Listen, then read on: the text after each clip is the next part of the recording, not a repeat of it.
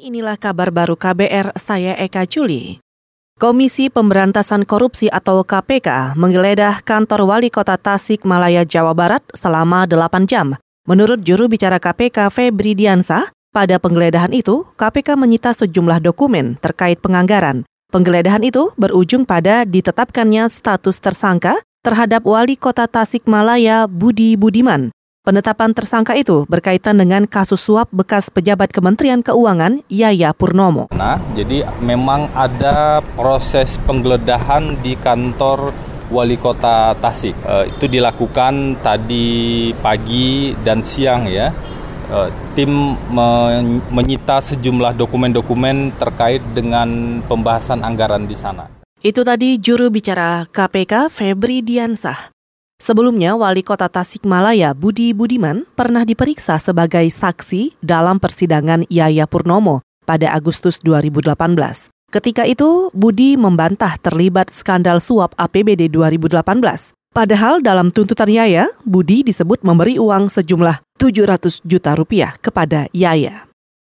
Tim Gabungan Pencari Fakta atau TGPF kasus Novel Baswedan yang dipimpin Kapolri Tito Karnavian akan mengumumkan hasil kerjanya awal Mei nanti. Anggota TGPF sekaligus bekas anggota Kompolnas, Pungki Indarti, mengatakan hasil selama proses penyelidikan itu akan dilengkapi ketika masa kerja TGPF berakhir, yaitu Juli 2019. Pungki menyebut sejumlah kendala yang dialami TGPF selama mengusut teror penyiraman air keras terhadap Novel Baswedan yang sudah terjadi lebih dari dua tahun lamanya. Kendalanya karena minim saksi ya, minim saksi-saksi yang melihat langsung peristiwa.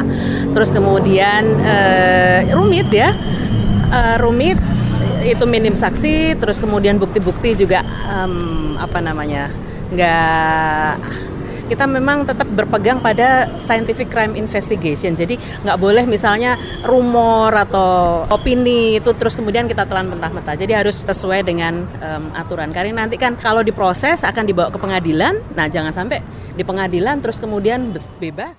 Anggota TGPF sekaligus bekas anggota Kompolnas Pungki Indarti juga menambahkan ada sejumlah saksi-saksi baru yang didalami keterangannya dengan uji alibi. Mereka diduga pernah ada di lokasi dan diketahui oleh saksi-saksi serta potensi sebagai pelaku. Hasil akhir kinerja TGPF diharapkan bisa mengungkap pelaku teror itu.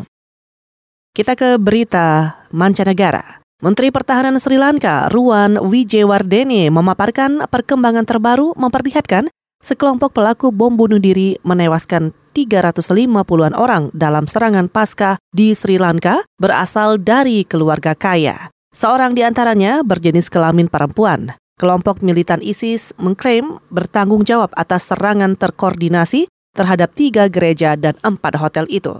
Jika konfirmasi itu benar, maka serangan ini adalah yang paling mematikan yang dikaitkan dengan keterlibatan kelompok ISIS. ISIS sudah merilis video selasa malam yang memperlihatkan delapan orang, hanya satu yang tidak mengenakan penutup wajah, berdiri di bawah bendera hitam dan menyatakan sumpah setia kepada Abu Bakar al-Baghdadi. Sosok yang tidak mengenakan penutup wajah dalam video itu adalah Mohamed Zahran, seorang pendakwah yang dikenal berpandangan militan.